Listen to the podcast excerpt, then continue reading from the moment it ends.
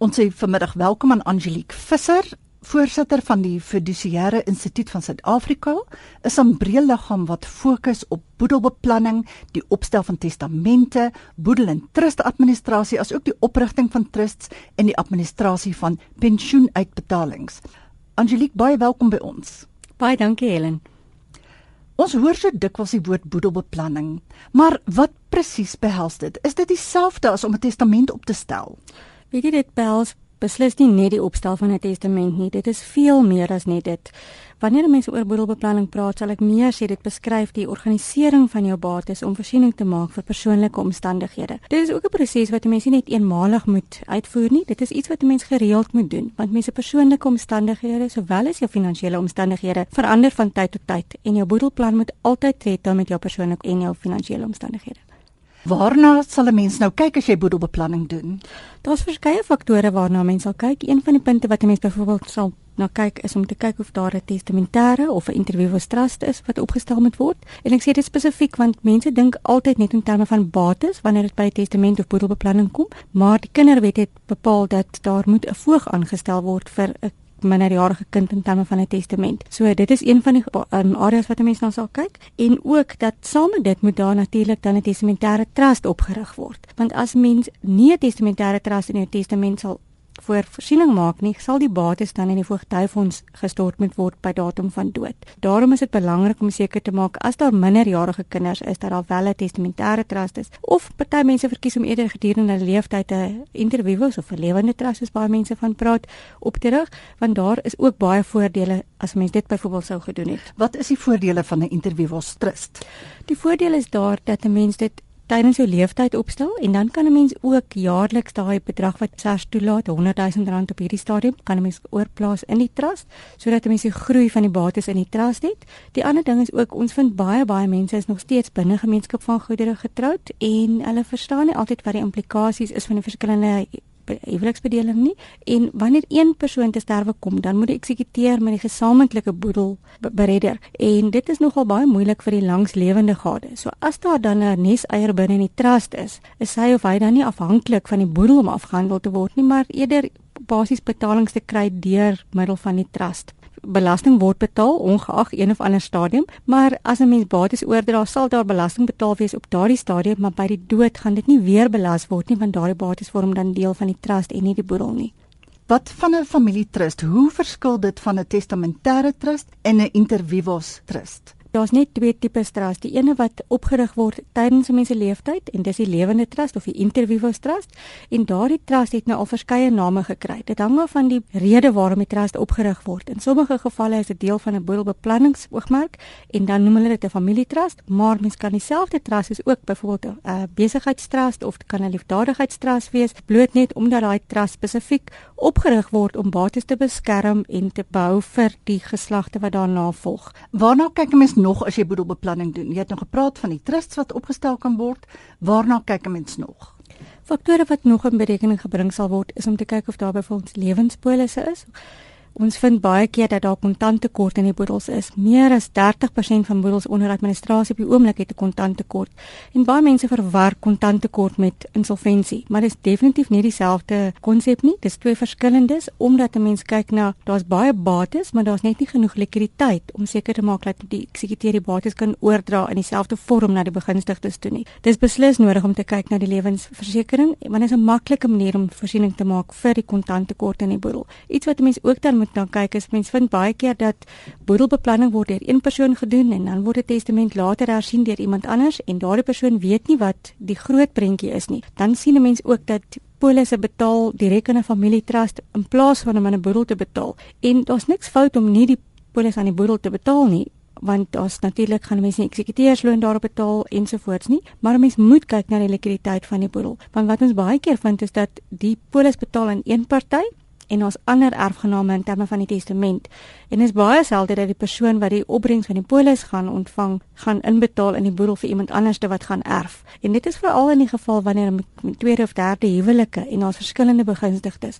So mense moet regtig seker maak dat die doel van die uitbetaling die regte effek gaan hê wanneer die boedel beredder word. En daarom is dit seker baie belangrik dat mens jou boedelplan gereeld hersien en dat dit aanpasbaar is. Beslis, niemand dink hulle gaan doodgaan nie, so hulle wil nie testamente hersien nie en dan mens kry dan dat vorige gades nog aangestel is as begunstigdes of 'n mens kry ouers wat aangestel is nadat 'n man of vrou al vir hoeveel jaar getroud is en kinders gebore is uit die huwelik, maar dan sit 'n mens met onderhoudseise teen die boedel en dit kan 'n baie lang tyd vat om soms daardie boedels af te handel totdat die eksekuteur en die erfgename en die mense wat onderhoudseise teen die boedel het skik. Angelique, mense sien baie keer dat 'n boedelplan teoreties korrek is, maar moeilik uitvoerbaar in die praktyk. Kan jy vir ons 'n paar praktiese voorbeelde gee van die probleme wat 'n mens daarmee op die lyf kan loop? Ek dink dis een van die grootste probleme wat 'n mens ondervind, want dit is maklik om te sê ek maak my gehele boedel aan my drie kinders, maar die praktiese implikasies daarvan kan byvoorbeeld wees dat daar on onderliggende bates is wat 'n mens nie kan oordra nie. Byvoorbeeld, hoe dra 'n mens 'n motorvoertuig oor in drie mense se name? Ook iets wat ons baie vind is dat daar um, landbougrond is. Daar's beperking op die onderverdeling op landbougrond. So met ander woorde, die eksekuteur kan nie daai plaas eiendom oordra aan drie persone se name nie. Iets wat ons ook gereeld kry is um, besluite koöperasies. Die besluite koöperasie wet bepaal dat die medelede moet toestemming gee voordat die eksekuteur die oorledene se aandeel mag oordra, want die bestaande lede mag dalk nie so gelukkig wees met hierdie nuwe persone wat saam met hulle in die besigheid gaan wees nie. Daarom is dit nodig om seker te maak dat mense presies verstaan wat is die onderliggende bates en kan beplan daarom. En daar's ook natuurlik belastingimplikasies bo in behalwe die beperkings wat 'n mens kry, moet 'n mens na elke bate kyk om te sien presies wat gaan die kapitaalwinsbelasting implikasies wees, boedelbelasting implikasies en as mens die gehele prentjie het, kan 'n mens advies gee om dit so te struktureer dat die kliënt se behoeftes nog steeds na omgesien word, maar miskien net in 'n beter manier uitgevoer gaan word by datum van dood. 'n Laaste ding waarna mens moet kyk is natuurlik dat daar genoeg kontant is om al die kostes te dek, né? Nee baie mense onderskat die kostes en ek dink mense dink altyd in terme van die uitstaande verband miskien en daar's 'n paar kredietkaarte maar die administrasiekostes beloop redelik hoog. As mens kyk die eksekuteursfooi is gewoonlik 3.5% op die waarde van die boedel en as daar BTW betaalbaar is dan is dit amper 4% en dan is daar oordragskostes en Gelukkig kry mense dan nou die bietjie van 'n korting wat mense nie nodig het om hele regte te betaal nie, maar die oordragskoste op 'n eiendom van 'n miljoen rand is omtrent 16000 rand. En dan iets wat mense ook baie keer wat mense nie weet nie is dat wanneer 'n eiendom oorgedra word, moet 'n mens vooraf 'n uitklaringssertifikaat bekom by die munisipaliteit of stadsraad en dan betaal die eksekuteur 'n paar maande se erfbelasting en dit kan ook 'n aardige bedragie beloop of as die mense dalk nie vir die laaste paar maande betaal het nie wat ons ook soms kry. So as mens al daai kostes bymekaar tel, begin dit regtig waar 'n groot bedrag word. Nie eers te praat van al die verskillende belastings wat betaal moet word op daai stadium nie. En ek sien daar is ook dan nog meesterskoste en advertensiekoste of reklamekoste. Waaroor gaan dit? Daar is die meestersfooie word bereken in terme van formule. Gelukkig op hierdie stadium is dit net R600. Ons verwag dit sal seker op 'n stadium dan ook 'n bietjie meer word, maar die maksimum bedrag is R600. En dan is moet die in terme van die boedelwet moet die eksekuteur die boedel adverteer. Eerstens om te sê dat die boedel wel beredder word en dat hy aangestel is as eksekuteur en dan vir 'n tweede keer wanneer die likwidasie en distribusie rekening gefinaliseer is, dan moet dit weer geadverteer word. En ons kyk afhangende van waar die publikasie geplaas word, ook weer eens hier tussen R1000 en R2000. So dis miskien nie groot bedrag nie, maar as daar nie kontant is nie en mens stel dit alles op, moet die erfgename dit iewers vandaan kry om in te betaal ten einde die ontvangs te neem van die voordeel uit die testament uit. As jy nou pas ingeskakel het, jy luister na Rand en Sent op RSG. Ek is Helen en dit is natuurlik jou program oor persoonlike finansies. Ons praat met Angelique Visser van die Fiduciêre Instituut van Suid-Afrika oor boedelbeplanning. Angelique, wanneer moet 'n mens nou 'n boedelplan opstel? Wel, so gou as wat 'n mens bates akkumuleer. Nou, wanneer mens kan byvoorbeeld 'n testament opstel op die ouderdom van 16, maar sodra dat 'n mens bates begin akkumuleer en ek dink as mens begin optel, het 'n mens meer as wat 'n mens dink. In terme van die pensioenwet word daardie voordeel nie deel van jou boedel nie, maar as 'n mens byvoorbeeld nie enige afhanklikes het nie, kan daardie bedrag wel in die boedel inbetaal word en dan is dit goed om 'n testament te hê. As daar enige veranderinge in 'n mens se omstandighede is, soos byvoorbeeld wanneer 'n persoon sou gaan trou, is daar verskillende huwelingsbedeling en dit is seker een van die grootste keuses om uit te oefen is die wyse waarop jy gaan trou. Want binne gemeenskap van goedere bring sekere implikasies mee Dan is daar ook buitegemeenskap van goedere met of sonder die aanwasbediening en ek het nou net met 'n kliënt gepraat wie se vrou oorlede is en dit was 'n redelike astronomiese bedrag wat hy genoem het in sy boedel.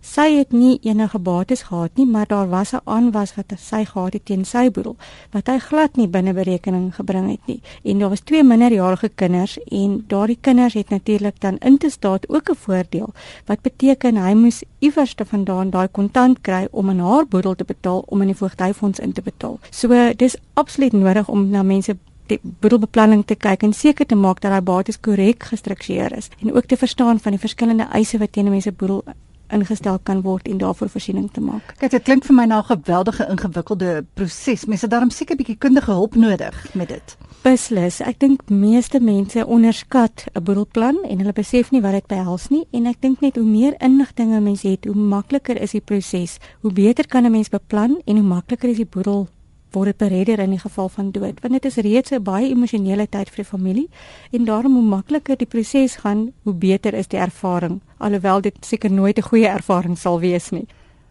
Hou maar 'n pen en papier gereed want ons gaan nou-nou aan die einde van die program dan gaan ons die nommer gee in die e-posadres en die webwerf van die Fiduciêre Instituut van Suid-Afrika sodat jy kan kontak maak as jy dink dit is nodig 'n baie belangrike aspek van boedelbeplanning is natuurlik as jou boedel nie net oor jou persoonlike sake gaan nie, maar ook jou besigheidsbelange.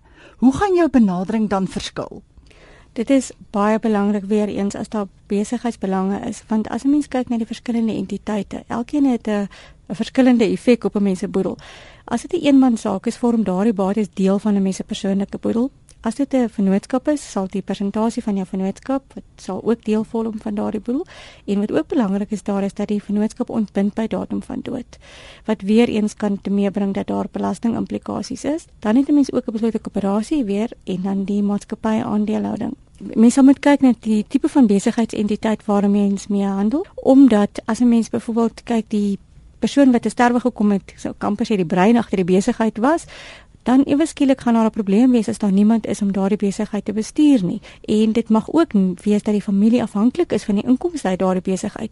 So dit is belangrik dat 'n mens kyk na vir plaasvervanging dat daar mense is wat die besigheid sal kan bestuur want mense sal ook nie van eksekuteur kan verwag om ewe skielik net die besigheid se bestuur oor te neem nie want hy mag dalk nie die nodige kundigheid hê om daardie besigheid te bestuur nie. So ek stel gewoonlik voor dat 'n mens in die testament bepaal dat daar spesifieke individue is wat 'n mens sal voorstel om in daardie tydperk die boedel te bestuur. So dit maak dit net baie makliker vir die eksekuteur en beperk ook die risiko's tydens die administrasieproses.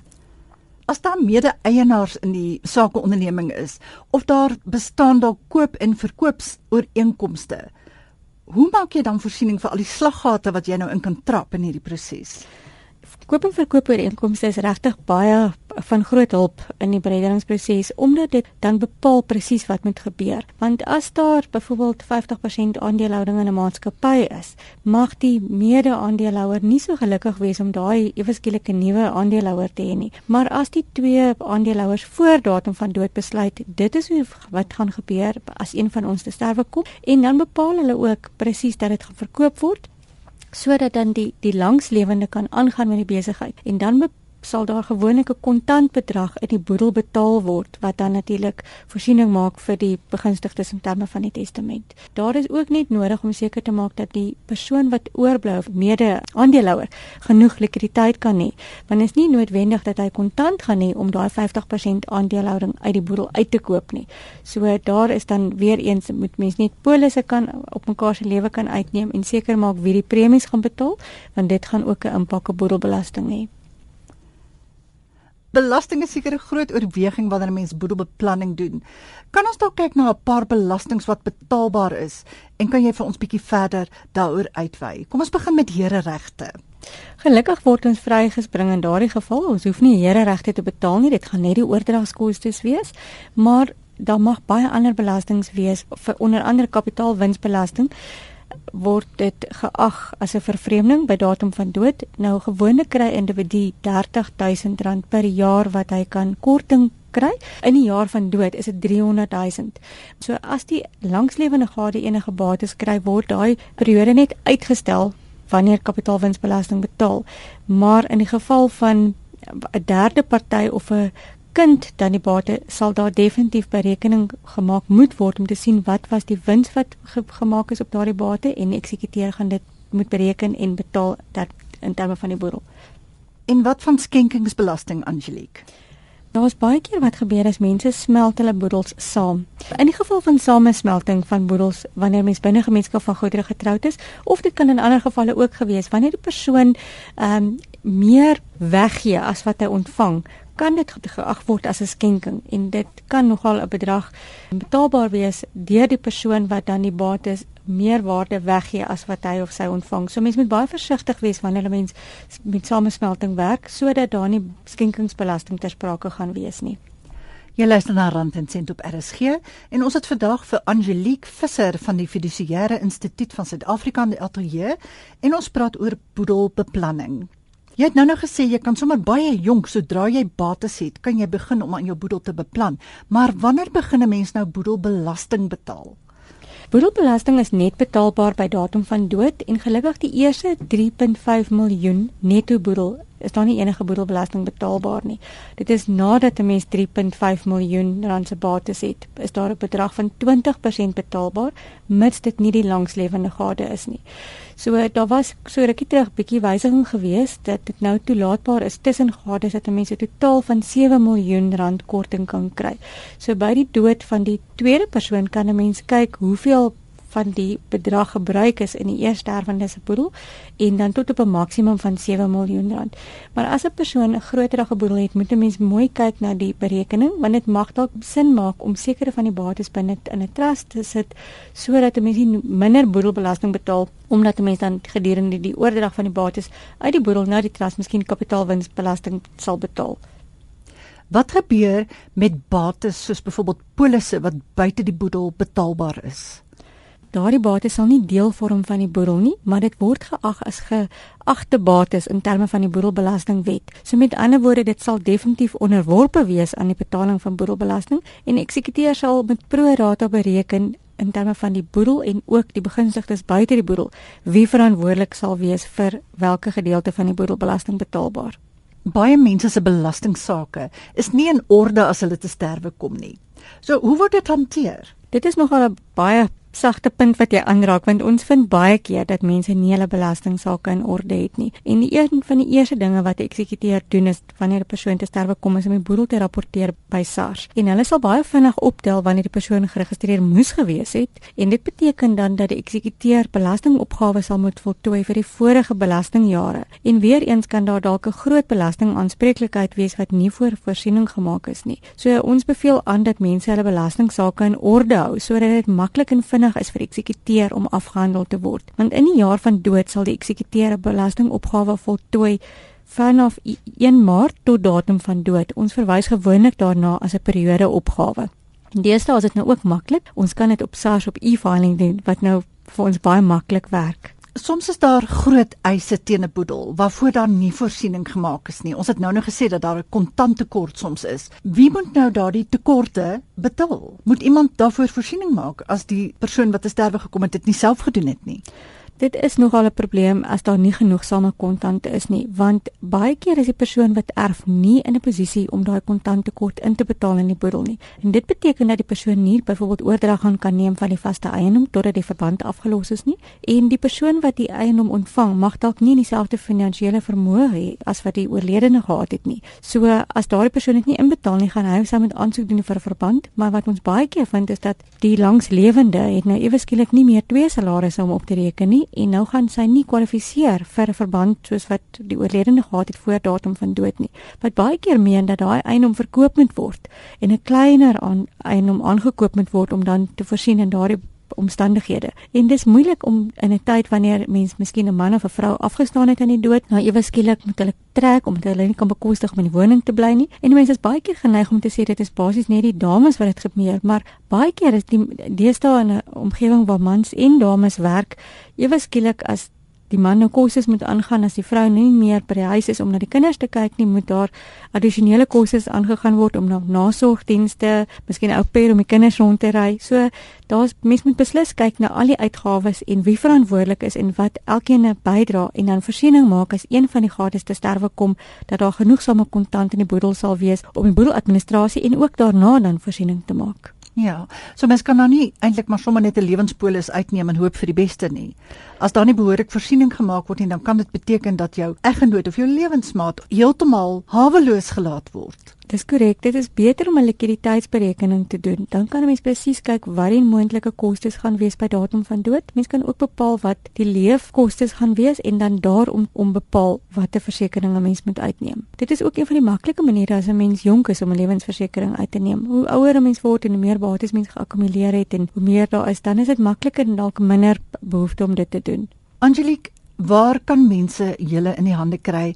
Het julle 'n uh, webwerf, 'n uh, e-posadres, 'n telefoonnommer wat jy met ons kan deel? Ons het 'n webtuiste, dit is uh, www.fidsa.org.za. So dis www.fidsa.org.za. En as die publiek op die webtuiste sal gaan, kan hulle gaan vind 'n lid in hulle omgewing as hulle net gaan op die area wat daar aangetoon word om te soek vir 'n lid in die omgewing. Almal het nie altyd toegang tot internet nie. Het jy dalk 'n telefoonnommer wat mense kan bel? Ons kan 'n selfoonnommer gee. Dit is 082 565 3565. Ek herhaal dis 082 565 3565. Angelique, baie dankie dat jy kom kuier het. Dit was nou 'n leersame gesprek. Baie dankie, Helen. Dit was dan Angelique Visser van die Fiduciêre Instituut van Suid-Afrika oor boedelbeplanning. Soos gewoonlik maar wie gou die volgende julle kan my volg op Twitter by @HelenUckerman of op Facebook by Rand en Sent Helen Uckerman en julle kan hierdie program in MP3 formaat aflaai van RSG se webwerf rsg.co.za. Volgende Sondagmiddag praat ons weer. Onthou om in te skakel op RSG om 04:30 die middag. Dit is Helen Uckerman wat groet. Geniet die Sondag verder.